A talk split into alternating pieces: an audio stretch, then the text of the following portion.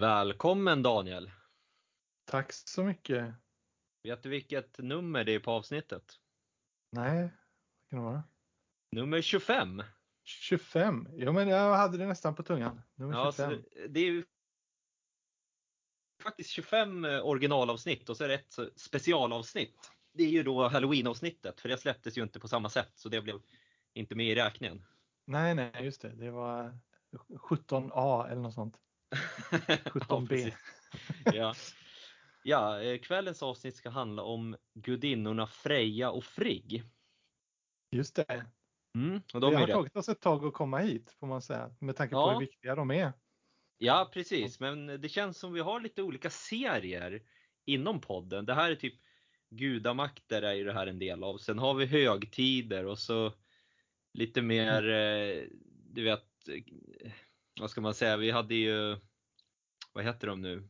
Med han, eh, Historia och sådana grejer. ja men Ja, alltså, det. Eh, goterna hade vi ju. Och så kanske man Just kan det, göra precis. så småningom något annat folkslag. Så det är lite olika serier egentligen.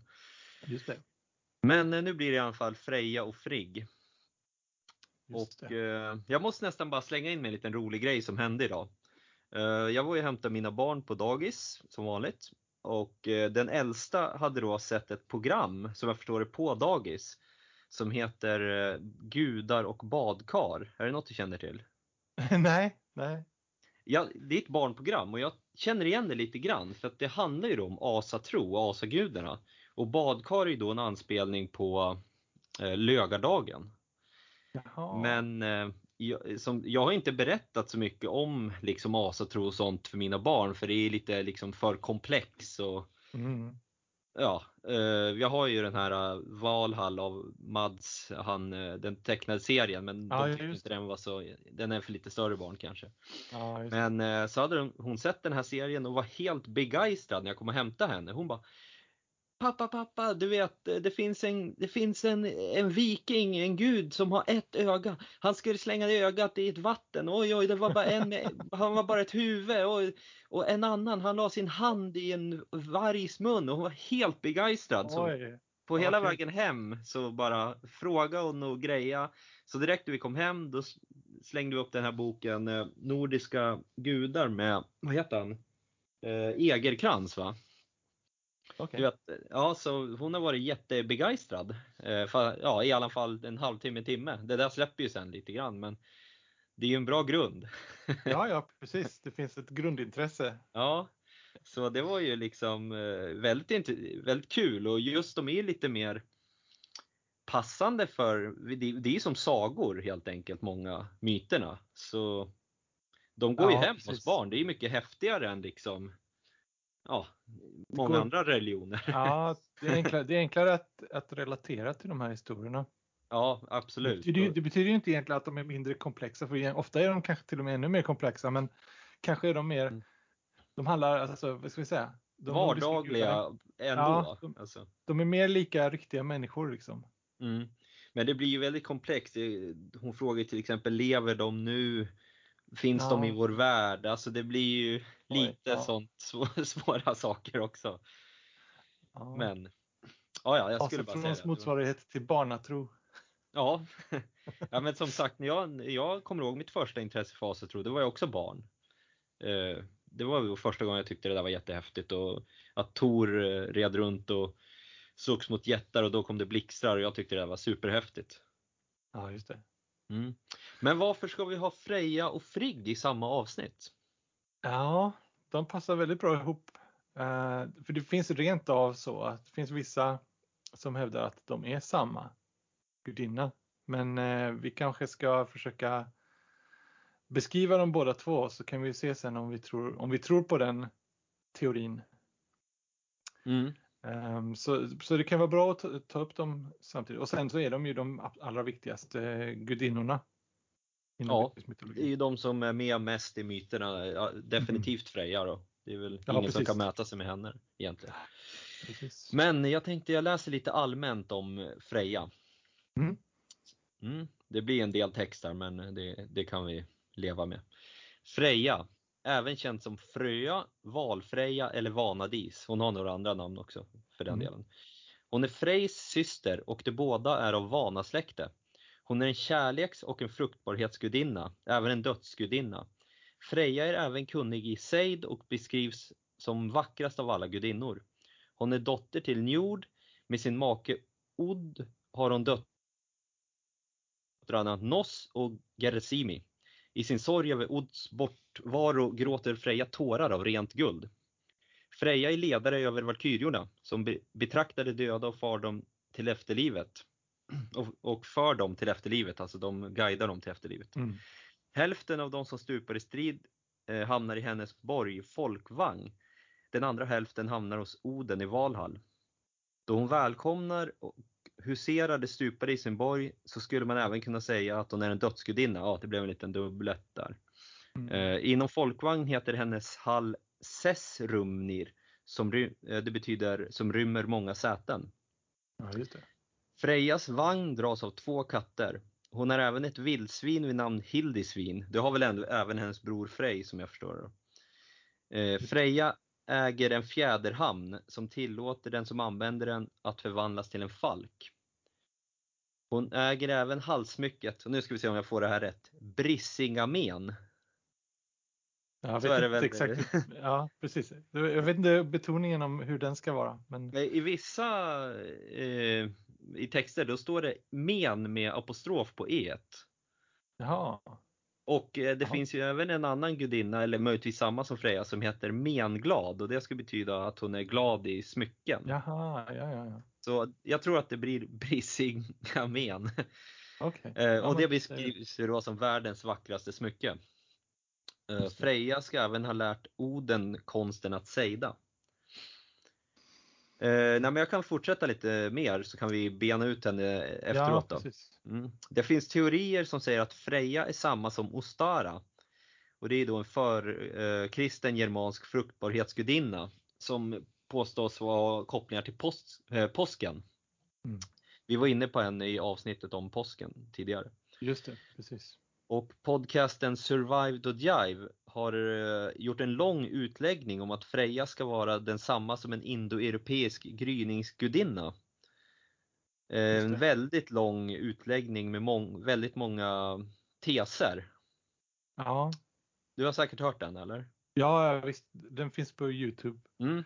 Den Eh, är och väldigt lång och ganska spretig men de har ändå en del poänger. så. Ja, precis. För då, det skulle ju till och med dessutom vara så att Freja och den sköna Helena är samma. För båda Ja, två är precis. liksom inkarnationer utav den här gryningsgudinnan då.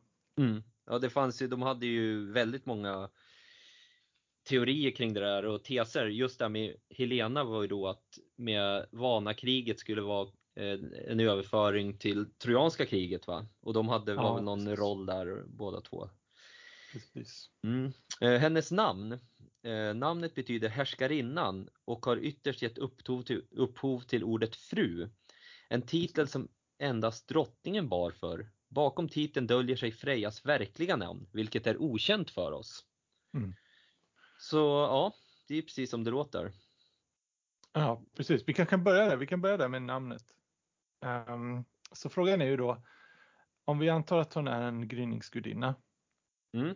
Ehm, och, och gryningen, alltså solen stiger ju alltid upp ifrån öster. Mm. Ehm, så då är ju kanske det här namnet Ostara eller Eostre inte något dumt namn på en gudinna som har med öster att göra. Alltså de båda namnen har ju de kom, har samma ursprung som Mm. öster. Mm. Så det är väl kanske ett av de starkaste argumenten som de har i den här ehm, podcasten då, att det är just Freja som skulle vara henne. Sen så har de lite sådana här saker med att eh, vad är det, Njord och eh, eh, Frej skulle på något vis vara motsvara past, Castor och Pollux. Ja precis. Alltså Och så, hästtvillingarna. mm. Ehm, så, men det som sagt, det, det, om, man vill, om man vill rota mer i det så kanske man Ja, kan. det eh, mest eh, liksom eh, graver, det, det finns inget som egentligen i skrift som talar för det här men, men G- finns i nästan alla indoeuropeiska kulturer. Men inte i den nordiska eller germanska, eller i nordiska i det här fallet då. Och hon är ju den som är mest känd och skulle bara allmänt mest passa in. Också. Precis, ja, exakt. Plus att um, om man tittar på, ehm, det här Asavana-kriget. För det är ju, hon, tillsammans med sin bror Frej och Njord så är ju hon då en av de här vanerna. De är väl de enda tre kända vanorna som jag har förstått det. Precis, de enda som vi med säkerhet vet är vaner och som vi Mm. med säkerhet vet namnet på. Ehm, Mm. och där har ju, eh, alltså Asavana-kriget, vi vet egentligen om vi ser från de vanliga källorna, eh, från Eddan och från olika eh, isländska källor så, så vet vi inte jättemycket om Asavana-kriget. Eh, men vi vet att det började på grund av att asarna brände en trollkvinna som kallades för Gullveig. De Det där, det där är väl en teori? Eller det är ju inte fastställt. Ja, det- det, det, det är ju en trolig teori, men det är ju inte helt, eh, det står ju inte rakt ut, upp och ner att det är så. Nej, det är riktigt. Det är riktigt. Men det, det är väl efter det som de har en stor debatt och som Oden kastar sitt spjut över fienderna. Och om man ser på hur Rom i eh, den traditionella lagen i Rom, hur man skulle förklara krig där, så skulle man just kasta ett spjut in på fiendernas eh, mark. Så det, det finns eh, mycket som talar för att det skulle vara ett sätt att förklara krig som har Mm. varit gemensamt. Ja. Ehm, men Viktor Rydberg, han har ju rotat mycket i de här sakerna. Och eh, han hävdar ju då att den här eh, Gullveig, eh, att hon då är eh, svärmor till Frej. Okej. Eh, därför att eh, han hävdar att eh, eh, Frejs, Frej gifte sig med, eh, vad fasen hon heter? Gerd, eller är det här tidigare? Ja, det tidigare, det var hon som han, han sitter och blir alldeles... eh, Ja, men det, hon heter väl Gerd, den där. Ja, okej. Yes. Eh, och hennes mor är då eh, Auerboda. Och han säger då att det är samma som Angerboda och att Heid och Gerd och Gullveig, nej, Heid och Mm. Gullveig och Angerboda och Auerboda ska vara samma person. Ja men Heid är ju, när hon bränns för tredje gången, uh, Gullveig, då blir ju hon den här Heid. Just det.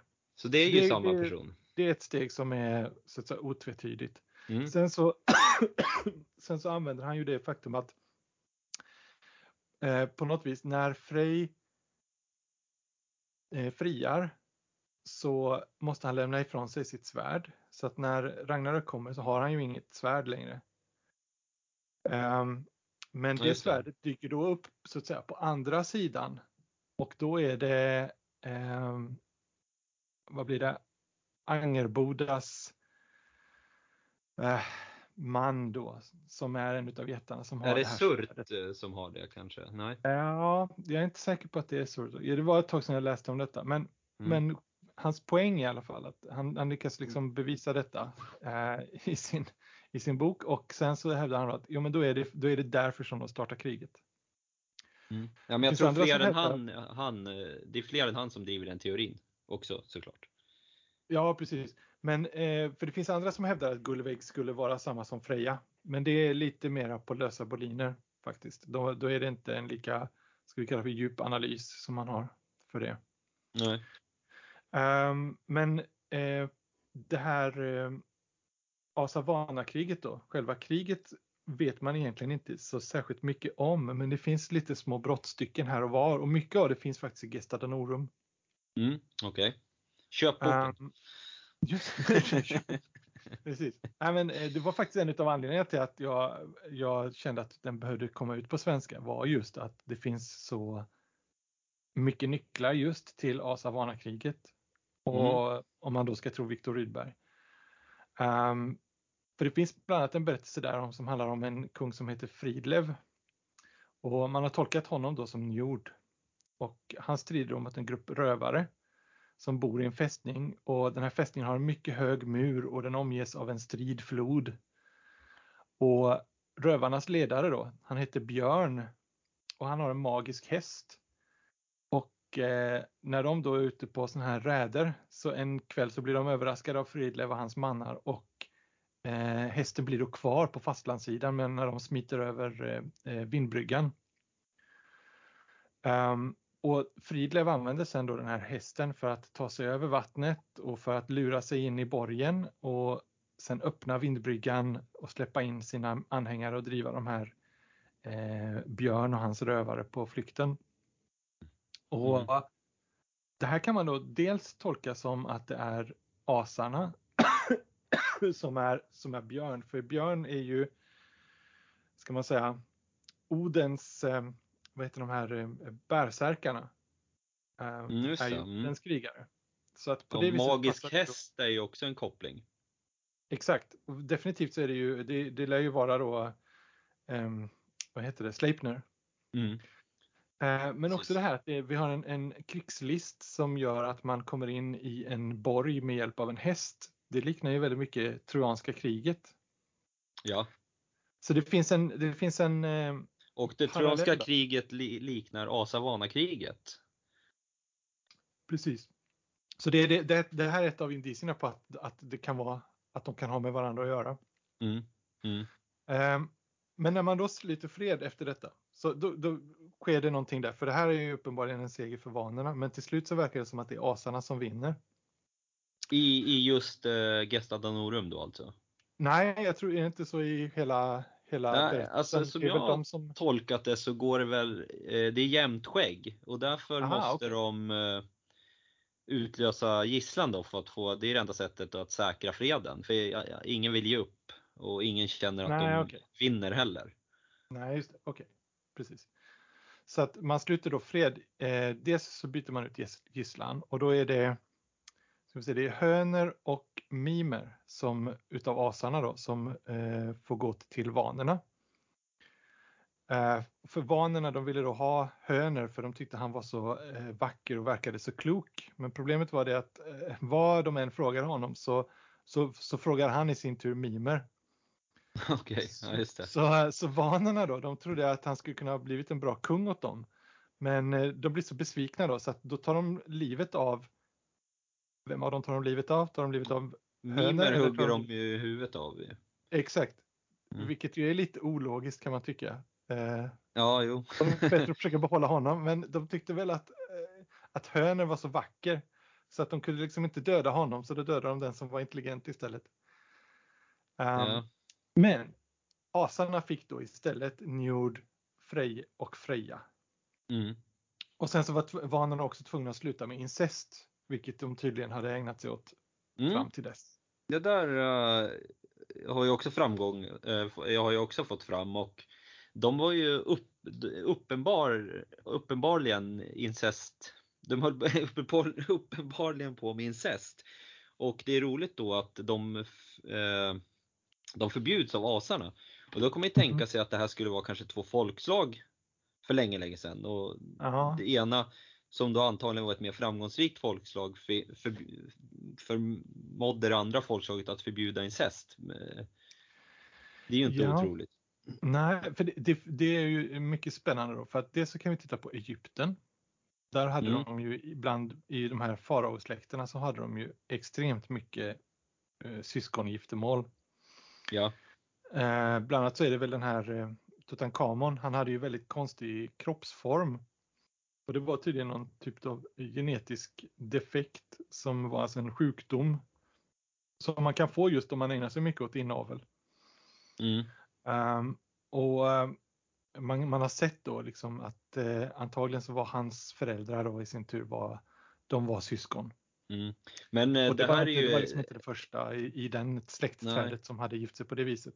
Nu snackar vi ändå syskon, det är ju hyfsat extrem incest måste jag säga. Det är det, det är det precis. Men det var ju även så har man hittat i, på Irland så har man hittat eh, i några sådana här stora gravhögar så har man hittat eh, eh, skelett då efter, eller kroppar efter eh, någon kungar eh, och antal drottningar också. Då har man kunnat se det att de bär också spår av, alltså om man tittar på deras DNA så bär de också spår av eh, att de har gift sig inom en väldigt liten krets.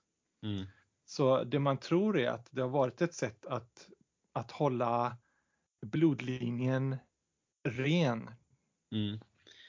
Ja, men- det, är inte heller, det är inte heller ett ovanligt alltså, tema i, i nordisk mytologi. I Nej. Sigurdsmyten så är det ju, ehm, jag kommer inte ihåg vad de heter, men det är ju eh, några som ska hämnas och eh, eh, de lyckas inte med det förrän de här två som då är syskon skaffar ett barn tillsammans.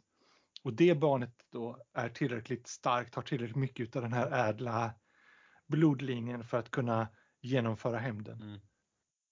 Ja, just det. Men det väcker ju några frågor eh, generellt. Eh, till exempel, eh, man visste ju såklart inte att det var farligt. Men någonstans måste man ju, det måste ju någon gå emot, eh, så att säga, man tänder väl inte på sitt syskon, om man säger så. Så de måste ju Nej. på något sätt ha halvt tvinga sig själva till det här. Ja.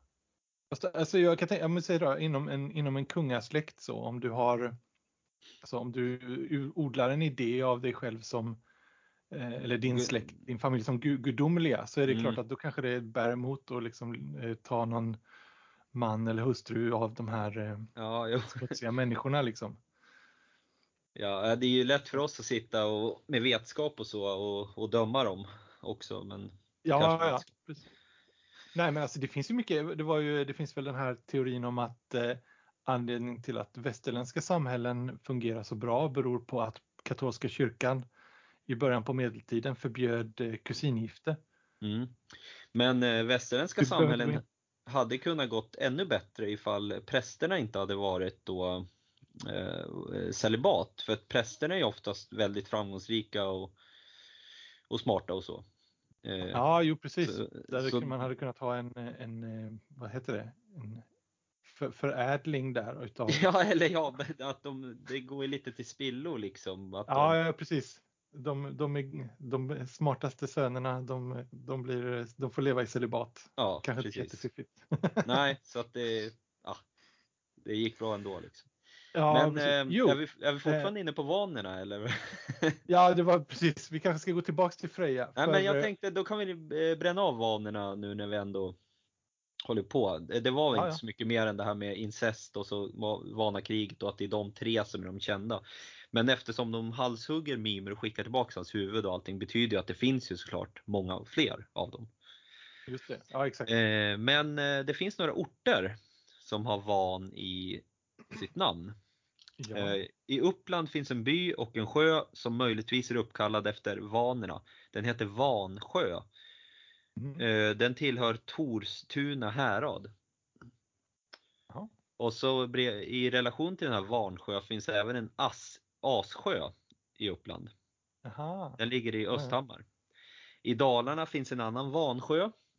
I norra Bohuslän finns en holme med namnet Vanarna.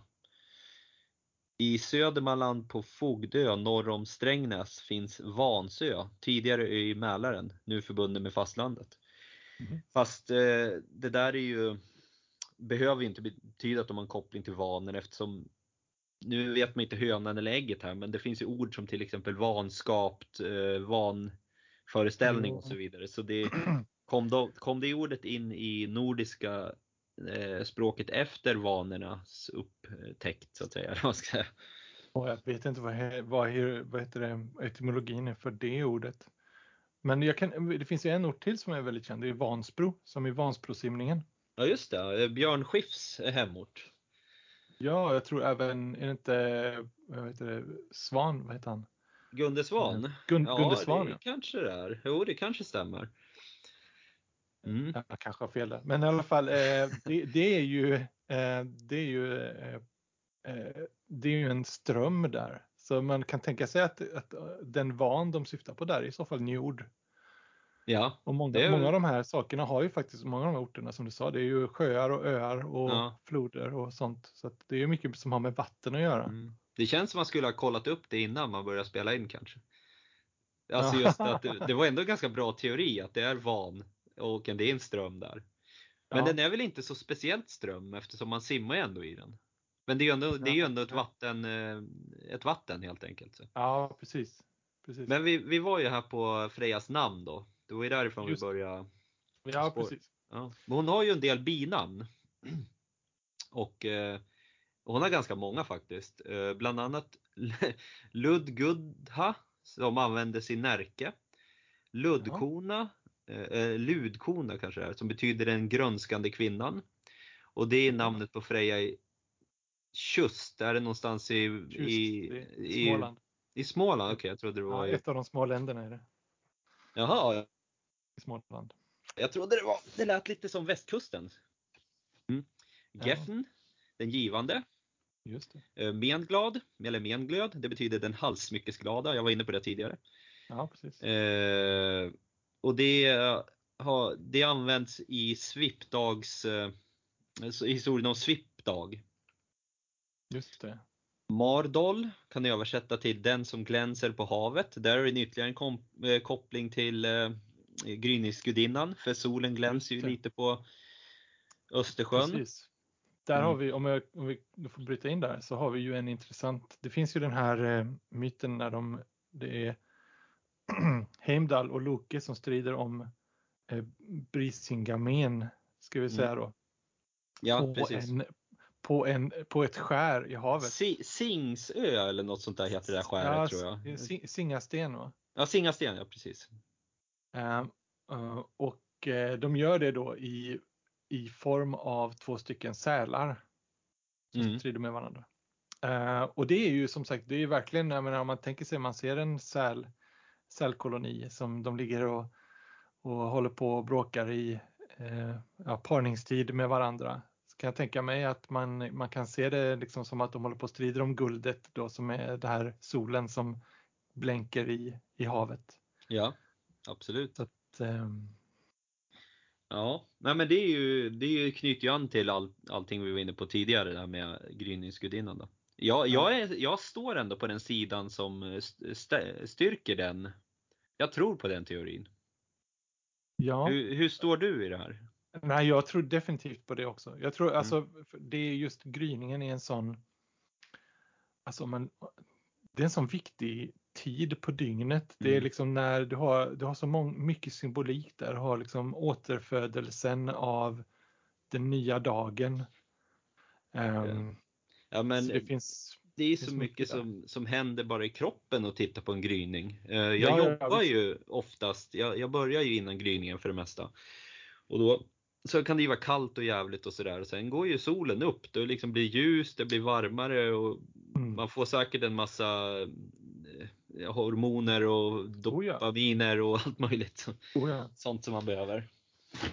De som jobbar skift måste ju passa sig för att, för att alltså, ofta är det så när man jobbar skift, så man jobbar nattskiftet, så slutar man på morgonen och då, då ska man lite grann passa sig för att titta för mycket på gryningen och alltså vara ute i den för att den är så, den triggar alla hormoner i kroppen för att vakna. Så att då blir det svårt att sova och då mm. kommer man liksom inte in i, i den här eh, normala rytmen som man ska ha. För man måste ju sova då efter att man har jobbat så att man kan mm. vakna så att man kan jobba igen. Ja, det... nej men eh, man blir väl lite speciell om man jobbar natt väldigt länge kan jag tänka mig. Ja, man är ofta trött. Mm. Ett eh, annat namn hon har det är syr som kan betyda sugga alternativt beskyddare. Eh, den senare betydelsen passar bättre för en gudinna men den kan också användas i negativ eh, betydelse som sugga, möjligtvis i samband med religionsskiftet. Ah. Valfreja är ju ett annat ord, det, men det kan också vara en kenning för hel. Och Vanadis är ju ett klassiskt ord. Vanadisplan ja, ligger ju i Stockholm. Till exempel. Just mm. Ja men um, det var lite i, början där, men jag har lite mer också. Ja som jag sagt, som jag sa, jag har en del eh, text. Ja, jag, tänkte jag kan bara på... säga det här med, mm? du nämnde det här med kristnandet. Ja. Um, alltså en, en, en viktig sak som hände med Freja när, när vi kristnades här, hon var ju extremt viktig. Och mycket av de uh, bruk och seder och böner och sådana saker som man hade i samband med Freja, de fördes över på Jungfru Maria. Mm. Och Jungfru Maria kallades här för vår fru. Ja, men det finns väl eh, Vårfrukyrkan och det finns en massa, Jajamän, ja. yes, massa sådana saker. Så vi har ju en, här där, nära där jag bor så finns det ju en, en, en ort som heter Fru Alstad. Mhm. Och den har en jättegammal kyrka. Eh, den kyrkan ligger antagligen uppe på någon typ av eh, hög. Alltså om man tittar på landskapet hur det ligger där så ligger den uppe på en, på en kulle. Och sen så nedanför den här kullen så ligger då eh, kyrkogården och sen så utanför den så, så är det någon, en, en våtmark. Och i denna våtmark så finns det en gammal offerkälla. Så det är Mhm. helt uppenbart någon typ av helig mark som, som kyrkan då har åter, återanvänt. Och, Kan inte du eh, knyta ihop det där till en kort artikel på din blogg? Jag tycker det, det verkar, just sånt där gillar jag väldigt mycket. Ja, nej, men faktiskt så vi, vi, det, var, det var väl kanske ett eller två år sedan så gjorde vi en sån expedition dit. Mhm, okej. Och eh, det lustiga var det att precis när vi kom dit då så, så var det en, det var en katt som, som gick där och tittade väldigt mycket på oss. och Liksom, ja, den kom inte fram till oss och hälsade men den stod och tittade, bevakade vad vi gjorde för någonting när vi, när vi gick där. Så det var, man kände liksom Mm. lite grann de här eh, vibbarna utav Ja, men jag förstår, tillåter man sig att känna de där vibbarna så då, då känner man dem när det är något speciellt. Jag, jag var i Kristianstad nu över jul och där finns det rätt mycket korpar och sånt. Ja, och det är inte så jätteofta man ser korpar i Stockholm. Så sitter det två korpar och tittar på en när man är ute och går eller någonting, då, då får man lite så speciell vibb. Ja, precis. Då känner Man man, kan se åt på... vilket håll de flyger. Så kan man ju spå då enligt romersk sed. Jaha, okej. så mycket man sysslar med här men Ja, jo, alltså, men då, här spådde man på vita fåglar bara, var det väl va? Jaha, okej. Okej, Mm. Ja, för i Rom så var det väl mycket örnar. Man skulle, om det var ett gott, eh, var det, om örnen flög över en när man, när man offrade och sen flög åt höger så var det ett väldigt gott omen för det krig man skulle gå ut i. Okej. Ja, det får Så. jag, det får jag, det får jag kolla efter nästa Mm. gång. Precis. Det var inte så mycket vita örnar här kanske. Nej, men du har ju mycket fiskmåsar och, och Ja. sånt. Precis. I fiskmås. Mm. Eh, du hade mer om Freja? Ja, men jag tänkte, hon är ju då, beskrivs ju som väldigt vacker och så. Och jag tänkte gå in lite på hennes sexualitet där. Mm. Eh, Både jättarna Rungner och Trym har uttryckt intresse för att gifta sig med henne. Och eh, som bekant så ligger ju hon med, vad är det, fyra dvärgar för att få sitt smycke. Just det. Mm. Och eh, enligt Loketrätan eh, så beskylls Freja för att vara lösaktig. Mm, och Just det, det. lyder så här. Loke sade, tig du Freja, dig till fullo jag känner. Du vanära visst icke saknar, det asar och alver som är eh, som här inne äro, har alla dina älskare varit. Freja sade, falsk är din tunga fram, framledes tror jag. Skall den dig ådraga ofärd, vredga är dig asar, och så och asy, asyror, asynjor. Med bedrövelse hem du skall draga. Loke sade, tyg du Freja, en trollpacka du är, en mängd med mycket män. Sen blida makter. Med din broder du beträdde och fult skämde, Freja du dig ut. Oj. Mm. Ja. Var det, var det incesten hon, han syftade på där på slutet? Ja, kanske? det, var, eh, det här är från Loketrätan, du känner till den när Loke super Oh ja. till och, och liksom dömer ut alla på festen. Den är Precis. ganska rolig alltså om man läser hela. Oh ja, oh ja. Och den säger någonting om varje gud och gudinna som tas upp. Liksom. Det är ett sätt, för, sätt att beskriva dem Mm. genom att håna dem. Det är, lite, det är en lustig... Ja men annars eh, det skulle vara svårt att beskriva dem på ett annat eh, få fram deras negativa sidor på ett annat sätt. Det är ändå ett ganska klyftigt sätt att beskriva just ja, de här precis. tillkortakommandena. Då. Men det Men man- intressanta är ju, om vi, om vi tar den Loketrätan då, men vi Mm. kanske ska, vi, kommer, vi kanske kommer tillbaka till, vi kan komma tillbaka till den i samband med Frigg. Vi, vi pausar Okej. den. Mm. Mm. Men eh, det jag ska säga är att hon beskrivs ju ganska lösaktig måste man ju ändå säga eftersom hon ligger med de här för smycket till exempel. Det måste ju ändå Mm. vara lite moraliskt. Eh, tror du det var en eh, återspegling för tiden eller tror du det var någon slags fantasi? Att oj vilken kvinna som kan vara så fri. Alltså för, för både tjejer och, och killar att ha en sån gudinna liksom. Förstår du vart jag vill komma lite grann? Ja, alltså om vi tittar på, om, om vi säger om hon ska vara en, en kärleksgudinna så är det ju inte någon slags sån här vad kallar man för platonisk kärlek utan det är ju liksom en, en kärlek med, med kroppen också. Ja. Um, det, för det är, det är intressant då, han, alltså hon är ju då alltså gift med den här Od. Ja. Um, Som hon har två barn med va? Just det, precis. Uh, och enligt Viktor Rydberg då, om vi går tillbaks till honom, och det här är en, egentligen hans bästa, som säga, den, hans mest är, brett erkända rekonstruktion, så är det att ord är densamma som Svipdag. Du nämnde honom förut också. Mm, ja precis, och i den då kallas Freja för eventuellt då, vad var det, menglad? Ja precis. Men eh, i, i, så det är då den här, eh, det finns ju två stycken eh, sådana eh, dikter i, i Poetiska Eddan som, som, eh, som man kallar, tror jag, man kallar den tillsammans för Svipdagsmal. Men eh, samma berättelse finns även hos Saxo då. Eh, eh, och där kallas eh, eh han eh, Svipdag då för Erik. Ehm, och han är eh, där finns liksom hela berättelsen verkligen eh, i, i, från A till B liksom.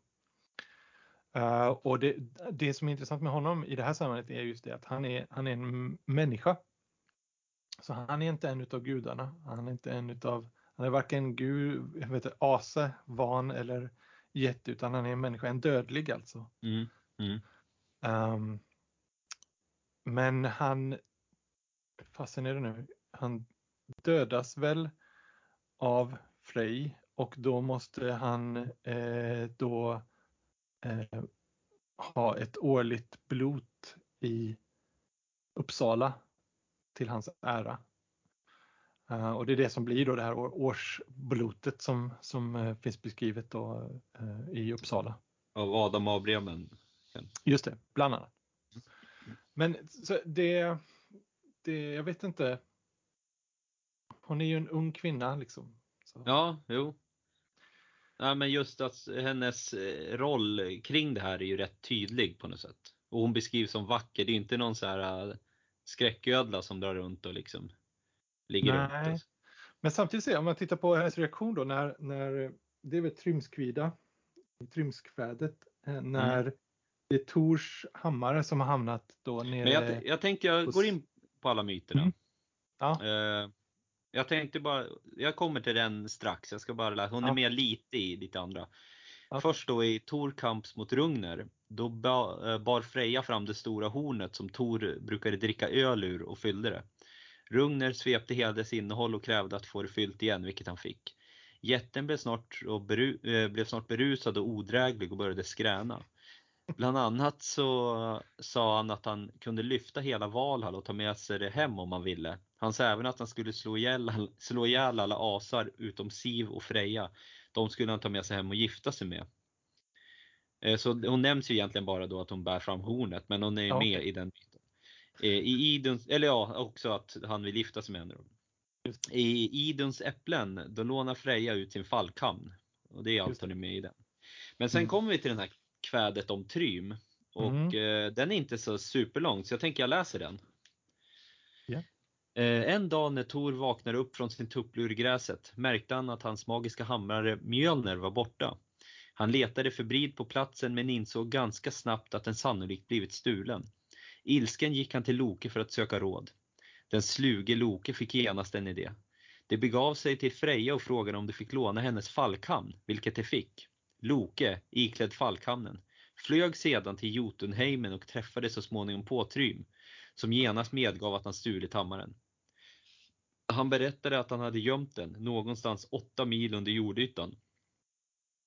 Trym sa även att det enda sättet att hammaren skulle återges till sin ägare var om man fick gifta sig med den vackra Freja. Eh, Loke flög sedan tillbaka till Asgård med budskapet. När Loke och Tor sedan gav meddelandet till Freja fnös hon så ilsket så att brissiga men föll från hennes hals och hela, halen skakade, hela eh, salen skakade. Hon skulle aldrig gå med på att gifta sig med Trym. Asarna samlades då för råd om hur de skulle återvinna Mjölner. Heimdal fick då en idé som han delade med sig av. Han föreslog att Tor skulle klä ut sig till Freja och låtsas vilja gifta sig med Trym. På så sätt skulle han återfå sin hammare. Så asarna hängde Brisingamen runt Tors hals, klädde honom i en vacker brudklänning. Loke klädde ut, honom till, klädde ut sig till brudtärna eh, och tillsammans begav de sig till Tryms gård. Väl på Tryms gård i Jotunheim blev det mat och fest. Den utklädda Tor åt då ensam en hel oxe och åtta laxar. Han svepte även tre tunnor öl. Trym hade aldrig sett en kvinna eh, med en sån aptit. Men brudtärna sa då till Trym att hon inte hade ätit något på åtta dagar eftersom hon längtat så mycket efter sin framtida make. Trym lutade sig då för att kyssa den så kallade bruden. Men hon ryggade tillbaka och, och hennes ögon stod i förfärliga lågor. Brudtärnan sa till Trym att det berodde på att hon inte sovit på åtta nätter eftersom hon längtar efter sin framtida make så. Trym blev belåten och förberedde sig för vigseln. Brudtärnan Mjölner, eh, brudgåvan, eh, Mjölner bar sin. Tog, Tor tog den direkt och mer än dräpte han Trym och alla andra jättar på gården. Och kvädet om Trym kallas även för Tors brudfärd. Mm. Det är väl inte då han kastar upp ögonen så det blir stjärnor, det är väl i skaldemjödet historien va? Oj, ja det kan jag inte säga så på ja, det, det, är någon jätte han dräper och då kastar han upp ögonen så att de blir stjärnor. Men jag tror att det är när, när de eldar där efter, i skaldemjödet. Ja, just det. Så mm. det är, um, vad hette handen? Ja, uh, okay. mm. ja, jag kommer inte, äh, Kvaser eller jag kommer inte Just det. Nej, Kvaser är en mm. annan. Ja, det, det får vi kolla upp till en annan dag. Ja, jag kan säga Kvaser faktiskt, jag hade skrivit ner om det här. Han är ju den, eh, en jätte som skapas när asar och vaner sluter fred. Så förutom att de byter gisslan så spottar de dessutom i en kopp. Mm. Och ur denna kopp då så växer kvaser. För kvaser det är då eh, ett ord för någonting som är jäst. Till exempel på ryska så finns det någon typ av eh, eh jäst, nästan som öl fast den inte är humlad och så, som är ganska svag som kallas för kvass. Mm. Men att någonting kvaser, det kan man nästan höra på ordet att det är någonting som, som växer, som puttrar eller på något sätt. Ja, ja precis. Mm. precis. Men hade du någon teori kring den här myten eller är det mest bara en allmän, allmän Nej, myt, en tänkte, saga? Liksom? Alltså det jag tänkte på var just det, om vi säger Frejas reaktion när när då Tor och Loki kommer till henne och säger du förresten kan inte vi, kan inte vi liksom sälja dig till till den här eh, Trym för eh, så får vi tillbaks hammaren. Mm, mm. Alltså hon, hon, hon, vill ju liksom inte vara en del av en handelsuppgörelse. Nej, nej det är i och för sig sant. Men så, hon får ju egentligen sätt... inte ut någonting. Jo, hon räddar ju. Det är ju ändå ganska mycket på spel också. Ja, oh ja. Mm. Alltså, utan den här hammaren så är de ju helt försvarslösa mot jättarna egentligen. Ja. Um, ja, att... Men det, det, går lite stick i stäv då egentligen med hur hon beskrivs på andra ställen. Ja, precis. Nej, så det, det vi kanske... Om vi ska säga, Freja är... Den bild som vi börjar få här utav Freja är ju egentligen att hon är en ung kvinna. Låt oss säga att hon är sexuellt frigjord, för att använda ett mm. modernt uttryck. Men samtidigt så vill hon inte liksom vara en handelsvara och kanske, det kanske var någonting som i finare kretsar under vikingatiden och tidigare så kanske det var det var egentligen ett stort, en stor skräck för unga kvinnor att bli mm. bortgift med någon gammal eh, trollgubbe någonstans av ja, politiska jo. skäl. Givetvis. Eh, men det, är också så här att i, när hon får eh, smycket där, då är det ändå hennes egen... Det är hon som bestämmer då. Precis. Det är ingen som bestämmer åt henne. Som det i Nej, det här exakt. fallet skulle det eventuellt vara någon som bestämde åt henne. Och det ja, precis. är ju hon, ganska frånskilda saker. Då. Precis, hon, har, hon är ju dessutom då så att säga fru eller härskarinna betyder hennes namn. Mm. Och hon har ett eget, en egen sal och hon tar hälften av de döda i kriget och så vidare och så vidare. Så att hon mm. har ju liksom den här sidan. Så jag menar, ja. Mm. Men jag tänkte gå, gå, vidare då till den här Brisingamen-myten. Mm. Och Brisingamen, det, det är ju även kallat Frejas smycke eldsmycket eller Brissingasmycket. Det är inom nordisk mytologi världens vackraste smycke. Det smiddes av de fyra dvärgarna tillika i Valdesönerna vid namn Greir, Berling, Dvaling och Alfrik. Får jag bara ställa, det finns inte fyra dvärgar som en, är uppkallade efter värdestreck också? Jo, just det. Men det är vid ett annat tillfälle? Ja, det är inte samma då. Nej. Det finns ju, det finns ju, det finns ju jättemånga dvärgar. Det finns ju ett helt, en hel del utav, eh, alltså en lång lista på dem. Okej. Där bland annat alla de här eh, eh, Tolkiens Från dvärgar Hobbit. finns med. Och från Hobbiten. Ja, jo, men det är Inklusive ju, Gandalf. ja, Gandalf är också en dvärg där. Ja, just det. Ja, Så- vi har ju varit inne på tolken i många avsnitt så men ja. I alla fall, eh, Freja hon var då begeistrad av det här smycket men, och hon ville köpa det av dvärgarna men de ville inte sälja det. Då kom de överens att hon spenderade en natt med var och en av dem så fick hon det och det gjorde hon.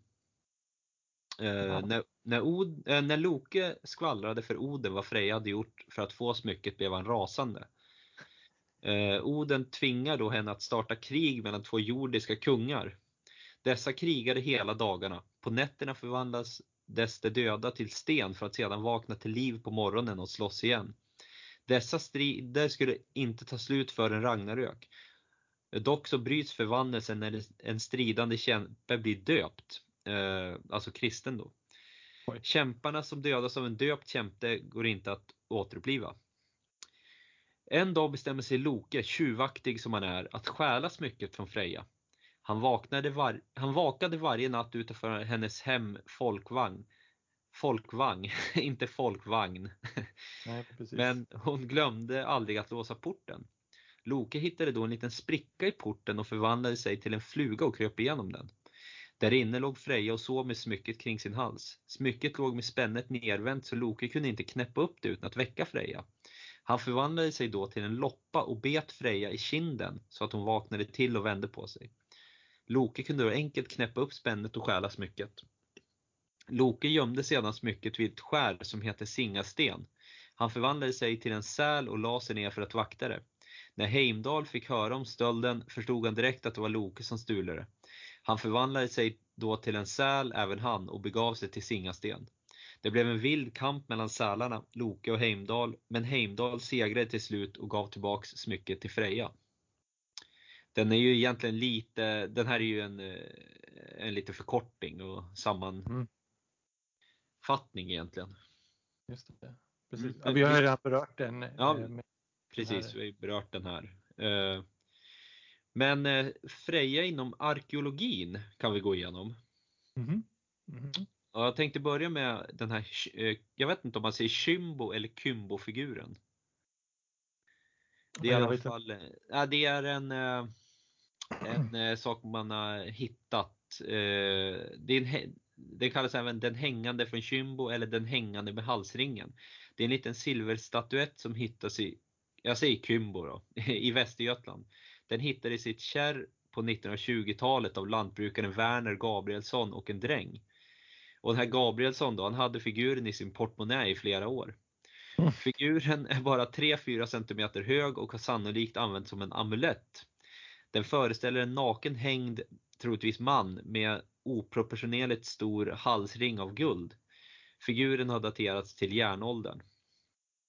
Och eh, det här med att det ska vara en amulett är ju bara en teori. En annan teori är att det är, en, vi- är ett viktmått. För de har eh, hittat en liknande figur på en annan plats i Sverige som har ungefär samma mått. Just det. Är det något, du känner kanske till det då? Den har, den har ju, det är en figur med en ring runt halsen. Ja, just det. Men den här Kymbo-figuren då, den har, i alla fall tol- den har även tolkats som Freja med hals, eh, hennes halsmycke. Den vanligaste tolkningen är dock att den föreställer Oden. Att armarna hänger rakt längs kroppen och att fötterna är böjda med tåspetsarna neråt tyder på att figuren är hängd. Och det är ju då när Oden hänger snedstreck offrar Ja, sig själv. Han hängde ju ni, eh, vad sa du? Han offrar sig själv till sig själv. Precis, och då upptäcker han runors hemlighet och allt det där. Och då i det fallet skulle halsringen vara Odens guldsmycke Draupnir. Men det var väl en Ja, ring? Var inte det en ring? Jo, ingen precis. hals. Nej, precis. Och vid Askahögen i Östergötland har man hittat ett vackert Freja-smycke av silver. Det finns det bild på som man kan kolla på. Om man söker på Askahögen, Freja smycke och så vidare. Mm. Sen har vi en kyrkmålning i Schweilerswigs katedral. Eh, och det är en naken kvinna som rider på en katt. Och det kan möjligtvis också vara Freja. Men eh, det finns kanske även andra tolkningar på den. Jaha. Men eh, Nej, för, det är ändå ganska lite som tyder på att det har funnits en Freja-kult. Eller det finns lite grann som tyder på det, men det är inte som de här Tyr och Ull och Oden och så vidare. nej, men tanke det är väl så också att hon kanske har ja. varit, eh, hon kanske har varit i så fall, ska vi kalla det för kvinnornas gud och kanske då dyrkats i hemmet. Ja, men, men de som skulle dyrka en, en, eh, vi säger att en ung kvinna, hon kanske i sådana fall främst skulle dyrka Gefjon. För det är ju de ogifta kvinnornas gudinna. Och sen Mm. när de kanske blir gifta så, det känns ju som Frigg vore mer en passande husgud. Ja, precis. Mm. Men hon har ju... Var ju också ett, ett eh, namn på Freja. Läste du inte upp det, i Ja, listan över olika namn? nej, det är Gef, Gefn var det och det här är Gefjon. Gefjon, okej. Och Ja, det är ja, två... Det är något J däremellan också. ja, okej. Den givande och gåvan Ja. kanske. Ja, men du känner till Gefjon. Det är ju hon jordbruksgudinna och hon är oskuldernas gudinna och, och Ah, ogifta okej. kvinnor och sådär. Ofödd, eh, jag vet inte om det var barn som inte klarade sig också. Hon har lite olika befattningar. Och hon plöjde även upp, jag tror i Själland eller något sånt där, eller Mälaren. det är någon just sån, det. sån ja, där. ja, ja, det var hon plöjde ut Själland, ja precis. Eh, just det, det, Mm. det, det finns ju ändå de här, framförallt den här Askahögen, det smycket. Men det finns ju inte så mycket egentligen. Eftersom med tanke på Nej. hur stor den är, men du har inte så mycket som tyder på det. Men det finns även ortnamn. Eh, det finns Fröja, Fröjelsocken på Gotland. Och på Mm. namnet eh, kom, har, finns i skrift från 1300-talet och då skriv, är det uppskrivet Fröale. Mm, Eh, och det tror man kommer från gudinnan Fröja, då Freja helt enkelt. Och i den här socken finns det en jättefin skeppssättning. Ja, för det där är ju intressant. Det var ju eh, Det finns en del saker som tyder på att Freja ska ha varit eh, på något vis associerad med skeppssättningar. Jag kommer inte ihåg det, men det finns en artikel eh, som heter någonting eh, Skeppen i fältet eller någonting sånt där, fast den är på engelska. eh, där de pratar om det. Mm. Um, och sen så, jag menar, jag, jag vill ändå... Vi nämnde ju det här med vår fru. Mm. Men jag ska bara, Eh, sista här med ja. ortsnamnen. Mm, Du vet Frejs, eh, Frejas syster Frej har ju flera ortsnamn. Det är Frösön i Östersund och så vidare. Eh, Frövi, Frölunda och, så, och Fröberga. Men som linets gudinna kallas Freja och även för Härn. Vilket vi återfinner i Härnevi och Ärnevi. Men det borde ju även vara Härnösand känns ju även som det borde passa in där. Ja, här, ja, i så fall. Ja. Men det är ju ganska eh, far off alltså. Det är väl ändå Härn kan ju betyda egentligen eh, något annat också. Ja, jag vet inte exakt. Men, Nej. ja, men det är ofta så med ortnamn att de kan även betyda någonting annat. Mm, Eh, Det är svårt att tolka dem. ja. Mm, jag har det sista här angående Freja. Det är ju då Valkyriorna. Som vi kanske Ja, ska gå in på. Just, det, Eh. men bara, jag vill bara säga det här med, med alltså, alla de här sakerna som har med Jungfru Maria att göra. Mm. Alltså, det kanske i sig att Jungfru Maria har ju visat att alltså, de orterna som, som, det finns ju mycket orter och växter och olika saker som, som har fått namn efter Jungfru Maria. Mm, Och mm. Man kan nästan förutsätta, åtminstone enligt eh, den här boken Värend och Virdane som jag precis har upptäckt, eh, så, så är väldigt mycket av de sakerna som i själva verket är bara att man har satt, man har egentligen bara lagt till det här Maria, för det var tidigare Vår frus Mm. nycklar, eller så blev Jungfru Maria nycklar och så vidare. Mhm, Så det mm. finns mycket som tyder på att Freja har varit dyrkad, även om hon kanske inte haft några platser. Så. Men det beror ju på hur, hur hon ville bli dyrkad. Hon kanske inte ville bli dyrkad i, på en stor, med en harg och så vidare. Nej, det kan ju inte vara precis. hennes stil liksom. Nej, men det här med vår fru. När, när upptäcktes det ordet för första gången i svenskan? Har du koll på det? Nej, men de här kyrkorna som, eh, vad heter det, Fru Alstad och sånt, det är ju Mm. sen, eh, det är ju 1100-talet. Ja, okej. För att det skulle vara intressant att veta vart det här ordet egentligen kommer ifrån. För att då hade ju varit en extra tes till Tom Roswell och hans polare ju. Ja, precis. Jag vet inte, det är möjligt Om man alltså kan spåra det ännu- vår fru då var en, Ja, alltså på, på franska så är det ju, vad är det, Notre Dame är ju vår fru, om man direkt översätter det. jaha just det, Eh. precis ja. Den är väl sen eh, fem, ja vad är det, 700-talet kanske, något sånt. Ja, men eh, den, det namnet måste ju säkert komma från någonstans eh, tidigare, för de har ju varit hedningar de också. Oh ja, oh ja. Så frågan är, det kanske inte är eh, bara Freja som har gjort den här resan. Det kan vara flera eh, gudinnor, eh, även keltiska gudinnor då, som har gjort det. Som på något vis har, har gått upp i, i dyrkan utav jungfru Maria. Mm. Ja, absolut. Eh, Det, det, det, är så kristendomen funkar så att den har ju en huvudgud men de andra är ju inte liksom erkända som gudar men de har ju egentligen ett pantheon eh, de Ja, ja. också. Så, Ja, ja, precis. Utöver den tredelade guden så finns det även ett helt pantheon av mindre gudar som kallas för helgon. Mm. ja, och änglar och så vidare. Och änglar, precis. Mm. I alla fall, det sista här då med Freja Mm. som jag har i alla fall, det är Valkyriorna. Och Just det. det kanske finns de som inte känner till Valkyriorna. Det är i alla fall kvinnliga väsen inom nordisk hedendom. Det korade fallna krigare och för dessa till Valhall om det är dit det ska. Hälften av de fallna krigarna hamnar hos Oden i Valhall och den andra, den andra hälften hamnar hos Freja i Folkvang.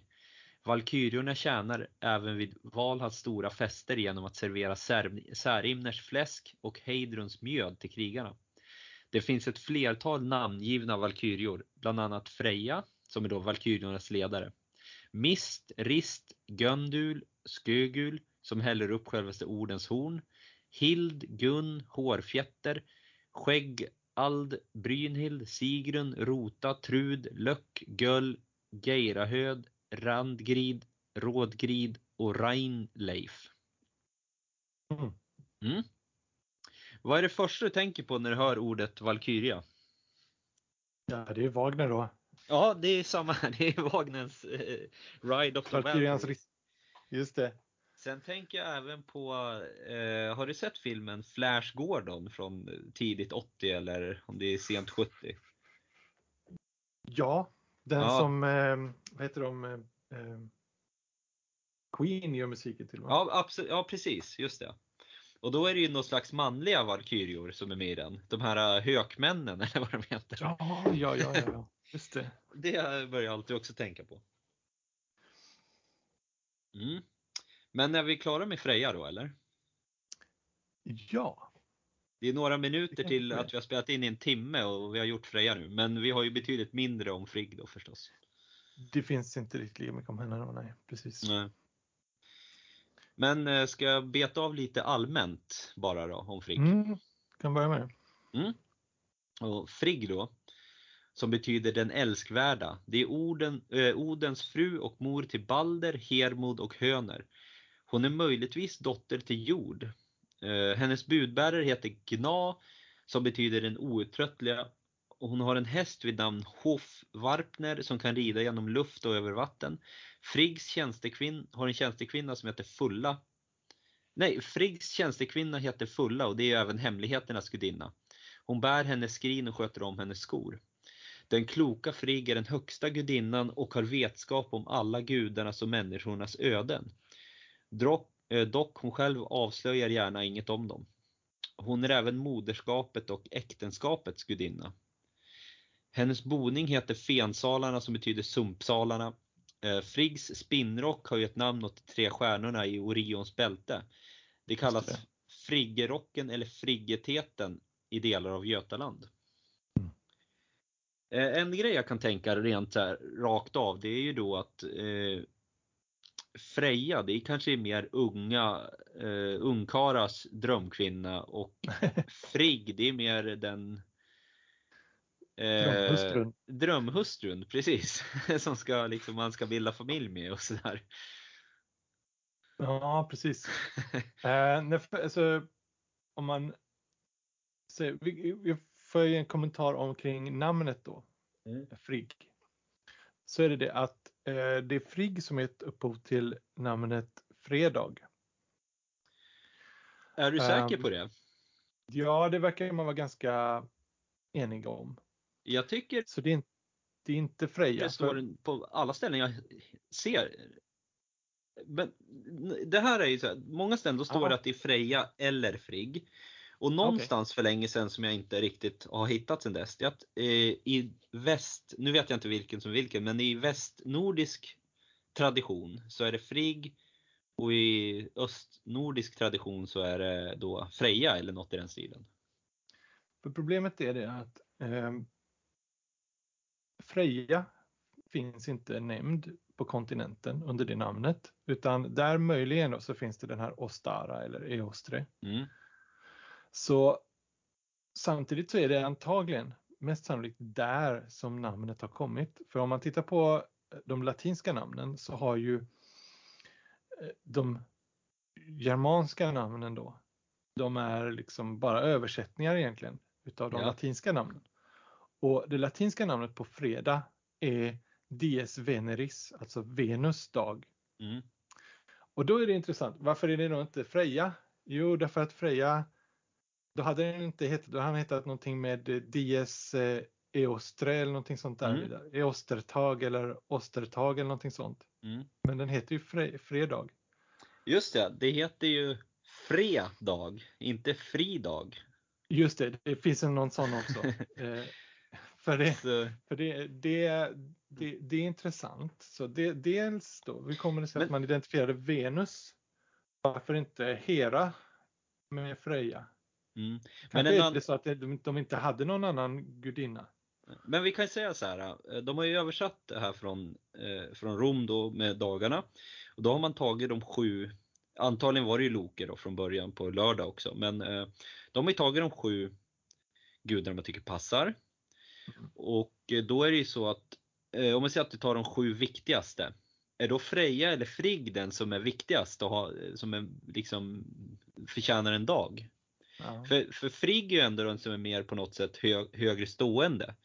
Men Freja Ja, är ändå mycket med mycket mer i myterna. Ja, exakt. Vi, vi, vi har ju egentligen eh, bara en stor myt om, om Frigg. Mm. Medan eh, Freja har många myter som vi har Mm. gått igenom här. Fast Fr- Frigg är ju då gift med Oden. Så Ja. det, det är som en ganska big deal på något sätt. Precis. Men, men det här går inte att bena ut eller för att det är väl ingen som vet egentligen vad som... Nej, jag tror, jag tror i och för sig man ska, man ska nog lita på de här som är eh, alltså språkforskarna. Mm. För de, de brukar förstå sig på det här med hur, hur ord ändras över tiden och så.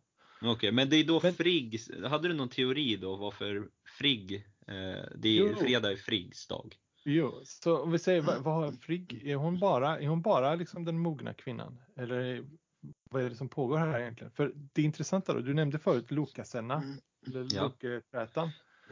Och där som sagt så, så anklagas ju eh, Freja för att vara lösaktig. Mm. Eh, men, men även Frigg anklagas för att vara lösaktig. Ja, jag läste också. Ja. Eh, exakt, för det är ju det är bara versen innan så säger Loke till, till Frigg att du låg med eh, Odens två bröder för att få eh, hon är kartokig tror jag han säger.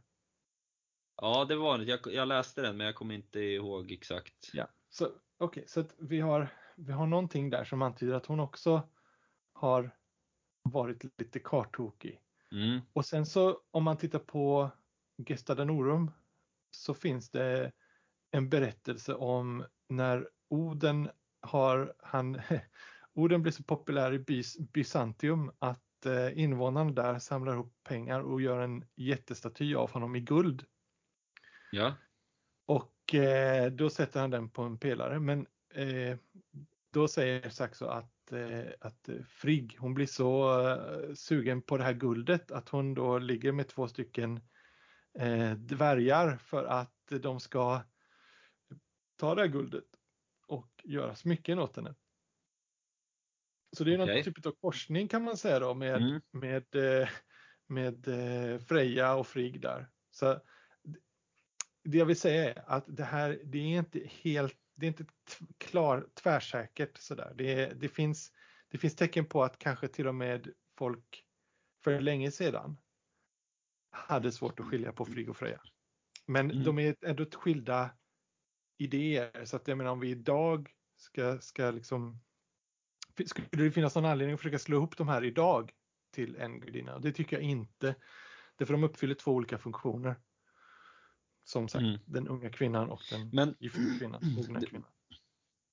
men båda har ju sin, eh, eh, sin like i romersk mytologi då förstås. Ja, jag tror att om vi tar grekisk mytologi så kanske Frigg närmast skulle vara Hera. Mm. Och det finns en sån liten kommentar på Wikipedia att, att eh, eh, det är tydligt, det står någonting om att det är tydligt att Hera har influerat bilden av Frigg. Så jag, jag vet inte. Det, står Nej. inte. det finns inte någon motivation där direkt till. Men, Men så att, ja, det finns Ja. inga tydliga separationer, förstår du vad jag menar, i grekisk mytologi. Att det finns, det finns inte två stycken och så är de direkt översatta till nordisk mytologi. nej, exakt. exakt. Nej. Jag skulle säga att till exempel en sån gudinna som, eh, vad heter hon, Ehm, eh, Athena. Hon har ju vissa, alltså Freja i sin, i sin krigs, sin eh, Valkyria-roll liknar kanske eh, Athena lite grann. Mhm. Mm. Alltså hon är ju en, en, en som, som, hon är ju en krigsgudinna. Ja, men- eh, Mm. Ja men det här är ju väldigt intressant och liksom, så, det som du säger, de fyller ju varsin eh, varsin sak och om det någon gång har varit en gudinna för länge sedan så har det ju splittrats. Det måste vara väldigt, väldigt länge sedan i sådana fall där, det, där de blev två stycken. Ja.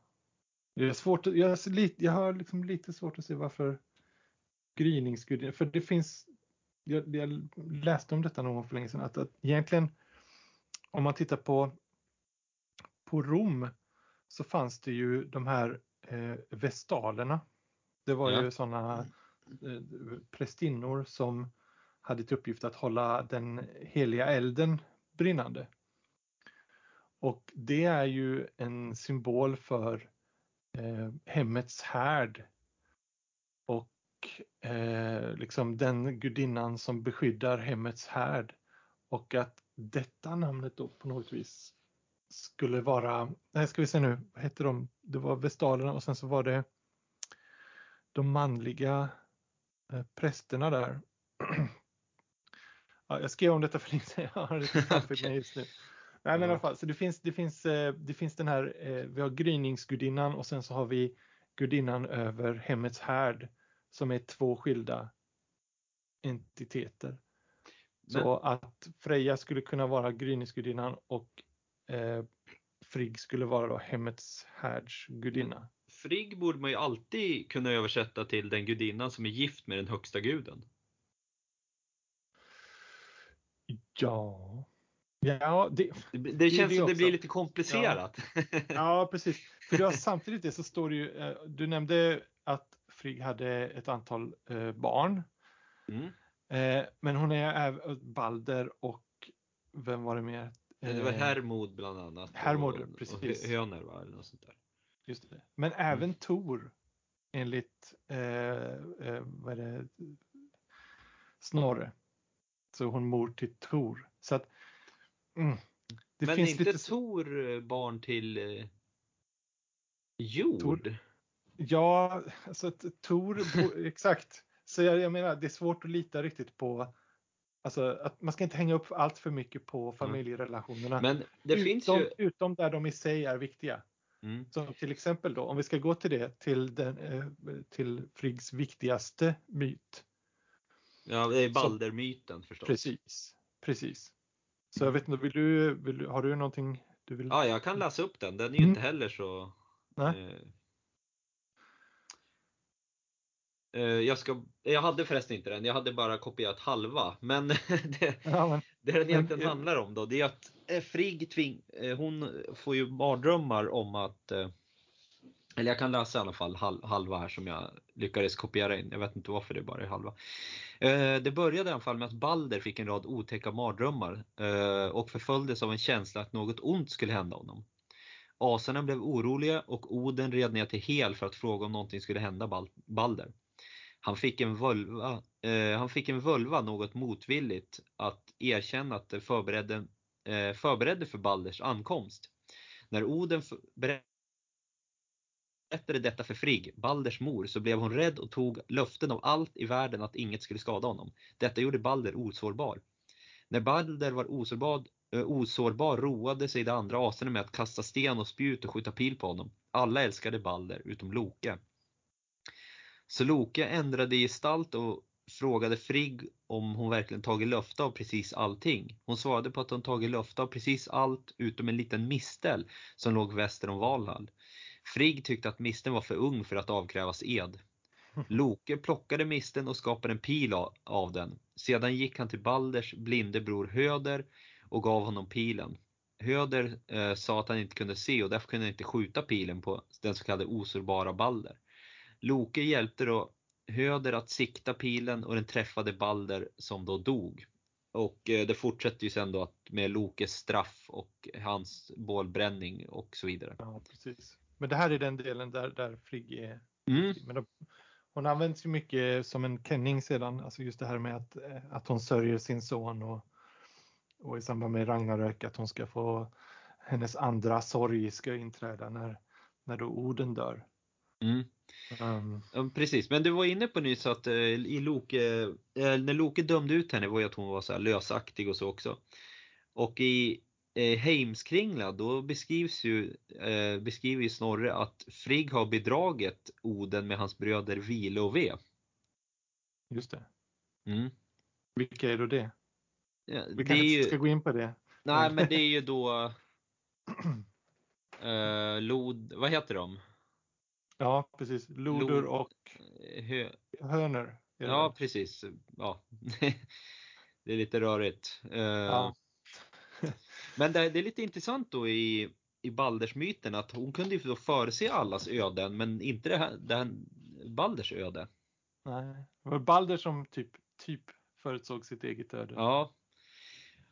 Men en annan sak varför de eh, har likheter, Frigg och Freja, det är ju, deras namn är ju rätt lika. Ja, de är förvirrande lika.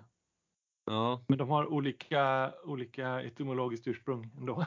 okej. Ja. Så det ena är ju fri eller älskad, frio som är frigga. Eller fraujon som betyder fru eller härskarinna. Mm. Så, Ja, men eh, det här har jag läst, jag vet inte vart jag har hittat det och jag har svårt att se att det ska liksom eh, ha någon, det känns bara som jag har hittat det någonstans men det känns inte så trovärdigt att det skulle vara sant. Men vid Uppåkra kyrka eh, finns två stycken gravhögar från bronsåldern och den tredje ska ha stått på den nuvarande kyrkogården. Dessa högar ska eventuellt haft gudafigurer, Oden, Tor och Frigg ståendes på dem och det kan ha varit platsen för den mytomspunna forntida vårmarknaden, Tre högars marknad. aha. Mm. Och då att Frigg skulle vara en så pass stor gudinna då. Ja, och så är det Oden, Tor och Frigg. Mm. Ja. Men det det där känns ju att det, det finns ju ingen skrift bevarad om Uppåkra som nästan så Ja, jag vet inte, jag läste det där någonstans jag också Okej, ja. skriver ner det men Ja. mm, jag tar inte gift på att det där är liksom sant. Och sen har vi ortnamn, det är då gudinnan Frigg har troligtvis fått ge namn åt Friggesåker och, och Frigge, Friggeråker, det är nästan samma ord då. Friggebod också eller? Ja, det vet jag inte. Nej, det. Nej, det var en annan som gav namn till det. Ja, men vart kommer det namnet ifrån då? Det är ett Det är från ministern, liksom- vad hette hon? Jo, jo, Eh, men hon, hennes namn måste ju ha ett ursprung. Hennes namn kom, ja exakt, jo så indirekt, precis. Ja, hon som införde friggebodsreglerna var det väl? Eller något precis, precis. Eh, men hon var även Frigge- för sin eh, allsång också. Ja, just det, precis ja. We shall overcome. Men eh, eh, Frigge som jag förstår det då, eller Frigg, det kan vara ett fornvästnordiska, eh, det kan syfta på det fornvästnordiska ordet för förlikning eventuellt. Okej, Mm. en annan etymologi då. Och då kan det vara att de här platserna som börjar med Frigge, det kan vara, att, det kan vara där man träffades för att lösa tvister. Jaha, ja, ja, ja, Ja. just det. Och eh, för att ytterligare blanda ihop de här två så i Merseburg-besvärjelserna så eh, omnämns ju Fr- Freja och det är då Frigg eller Freja. Det, då står det så här.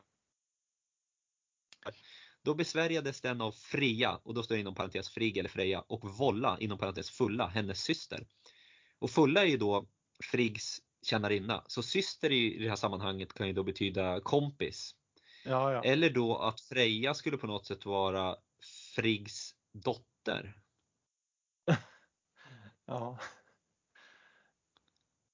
Ja, fast Du det är man inte då. Inte, Nej. Ja, det, är svårt, det är svårt att få ihop det med de andra myterna som Ja. jag har pratat om här. Ja men precis, men det, det är så står det där i alla fall. Ja.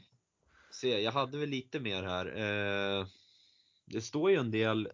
Det finns ju även den här eh, när hon fångar Oden. Är det när, då, hon tror att eh, Oden är en farlig trollkarl. Han är väl förklädd då? Han, nej, vänta. Eh, nej, hon sprider ett rykte om att han är en farlig trollkarl vilket gör att eh, Oden blir torterad av kung Grimnir i sju nätter innan han Ja, lyckas det. sig från bojorna. Just det, Grimnismal. Mm, jag har för mig att eh, Frigg har en större betydelse i den myten men jag kommer faktiskt inte ihåg just nu. Eh, nej, det är väl i den här före, företalet an, anledningen till att han hamnar där. Men, ja, det- Grimnes mal. finns, ja, det finns ju en annan myt om där Frigg spelar en roll och det är langobardernas eh, ursprung. Jaha, ja just det, precis ja. Mm. Att eh, när eh, det är då langobarderna de flyttar från Skandinavien och så landar de någonstans eh, på kontinenten och då ställs de inför en övermäktig fiende. Mm. Och för att liksom dryga ut sitt antal då, så för det första så, så, så sluter han, så sluter langobardernas kvinnor, de sluter ett avtal med Frigg att eh, om eh, den första hären som Oden ska se på morgonen, eh, den kommer han då att eh, ge segern till. Eh, och eh, då sluter de avtal då med att, att eh, hon ska eh, vända hans ansikte så att, så att eh, langobarderna är de första de, som, som han ser. Mm. Och dessutom då så tar alla kvinnorna i langobardernas kvinnor då och knyter sitt hår framför hakan så att det ser ut som att de har långa skägg. Och då säger Oden någonting med att oj vad är det där för några som har så långt skägg? De skänker jag segern och så vinner de. Där är Frigg som är Mm. Då har hon liksom även en, aktiva. så hon är ju inte liksom en nobody. Hon är ju ändå, nej. hon är med en del. Precis. Och hon finns lite kvar, eller hon finns även inom folktron. Det här är från boken som du nyss nämnde, Värend och Virdane. Just det. Eh, Och då står det något i stil med att enligt folktron då i södra Småland, då var Frigg, för att röra det Ja, väldigt mycket, men Frigg var då maka till Tor som kallades Toregud. Och man aktade sig för att röra spinnrocken på torsdagskvällen eftersom Toregud och Frigge kunde komma på besök och låna den. Just det. Hon, om, hon nämns även i en besvärjelse mot floget på hästar nedtecknade i norra Småland. Jag vet inte vad floget är för någonting. Eh, nej, men det finns lite sådana sjukdomar, jag kommer inte ihåg vad den heter, men det finns sånt som de kan få när de bara går i hagen, att de blir dåliga och då kan de bli så dåliga att de bara dör Mm. om de äter för mycket. Ja, sen tänkte jag ta lite i modern tid att både Frigg och Freja finns avbildade som statyer på Djurgårdsbron i Stockholm. Och där finns även eh, Tor och Heimdall om jag inte missminner mig. Har du sett den bron? Eh, nej, det... Ja, det är en mindre bro men den är, det, är, det är fyra pelare med fyra fina ståtliga gamla statyer. Aha. Stockholm har ju väldigt mycket asatro inspirerad. eh, Det finns en del statyer. Det finns även Loke som är fjättrad. Eh, Sen har du väl eh, det är ju hon, Oke, eh, Lokes fru tror jag finns på en staty också när hon leder bort giftet. Ja, just det. Sen har du ju alla de här eh, Vanadisplan, Odenplan. Ja, du har mycket sånt i Stockholm. Ja. Ja, men det var, Stockholm byggdes väl mycket, det var en rik period där just när man var intresserad mycket av Vasatro. Ja, så den här delen av Stockholm som är mer innerstan och så var ju liksom under nationalromantiken mycket då kanske. Ja, just det. Sen finns det även Friggs vitaminer och kosttillskott kanske du har sett. Just det. Jajamän, precis. Mm. Det finns ju även Iduns smink, men det kanske du inte känner till. Nej, jag brukar inte använda den. Ja, det finns ett sminkmärke som heter Idun. Ja, okej. Ja, och hon, hon har ju de här äpplena för att föryngra så det är väl ganska passande. Ja, ja, precis. precis. Mm. Ehm, Men nu har vi i alla fall gått igenom Frigg och Freja. ja. Och eh, min summa summarum, jag var lite inne på det tidigare, att eh, det kanske är mer Freja är kanske en mer ungdomlig gudinna och f- eh, Frigg är mer en, eh, en eh, stabil hustruaktig gudinna. ja, precis. Men eh, det finns, säga, det finns, det finns en, en tråd till med Frigg som vi kan dra lite i. När ja, vi rundar av, om, om vi har tid. det finns Det är det. här att, ja, det är det här att i, i Tyskland så finns det ehm, en gudinna som kallas för Holde. Som betyder den, den dolda. Eh, eller Persta. Ehm, som är då mer sydtysk variant utav det. Och det finns anledning att tro att hon kanske är ungefär samma som, som Frigg. Eller att det är andra namn för Frigg. Ehm, Är hon gift finns- med då någon eh, hon är stund? Ja, för hon är, hon är alltså eh, ledare tillsammans med sin man för den vilda jakten. Okej. Ja, exakt. Och den vilda jakten då, det är ju, eh, drivs ju då utav älvkungen Erlkönig eller med ett annat namn känt som Harlekin. Så Harlekin, den gestalten då som, som går omkring med en rutig eh, eh, dräkt på sig och sådär. Eh, han kommer då, eller har fått sitt namn från älvkungen, det vill säga från Oden. Mm. Och i samband med just om man, om man då väljer att tro på det så finns det ju väldigt mycket folktro i Tyskland som, som har med Holde att göra. Och en sak är att hon liknar väldigt mycket i vissa, vissa avseenden så liknar hon eh, skogsrået. Men det är ju lite motsägelsefullt om hon deltar i den eh, i den eh, vilda jakten och har likheter med skogsrået. Hur menar du? Jag jagar inte... Jo, precis. Ja. precis. Ja, det är riktigt. Ja, exakt. Det diskuterade vi någon gång. Ja. Exakt. Mm. Att, eh, att orden eh, ville att jagade skogsrået. Ja, Ja, precis. Frågan om hon var, hon kanske var, han kanske jagade henne för att hon ville att hon skulle vara med. ja precis. Jag tror att han la skogsrået rå- rået över hästryggen när han har dödat henne så jag vet inte riktigt. Nej, okej.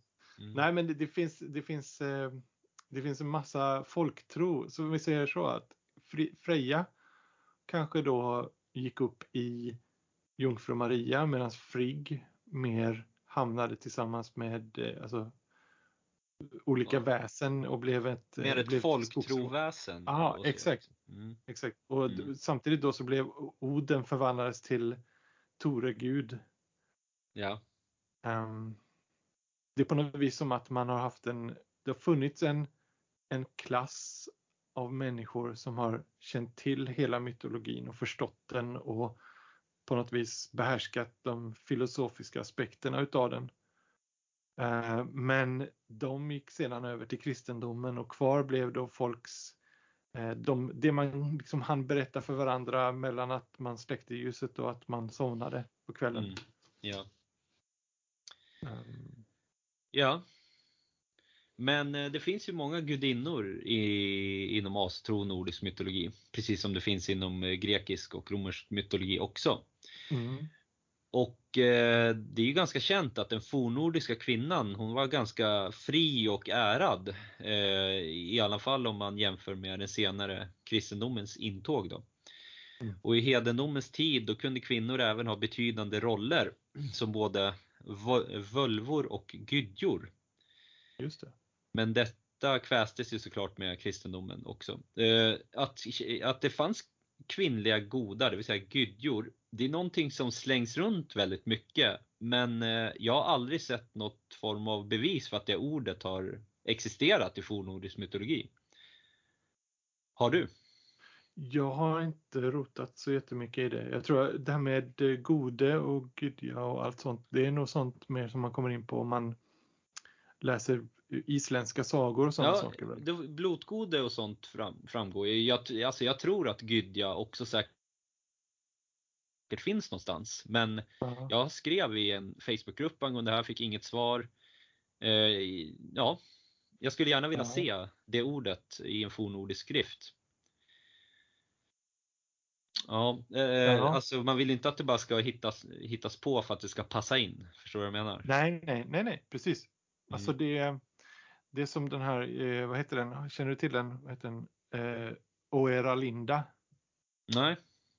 Det, det är alltså en skrift som eh, sägs, alltså storyn kring den här skriften då, det är att den är en berättelse som har skrivits ner då eh, var det 2000 år före Kristus och den avhandlar då en frisisk släkt. Det är en släktkrönika från istiden fram till, vad fasen är det, typ vikingatiden någonting sånt.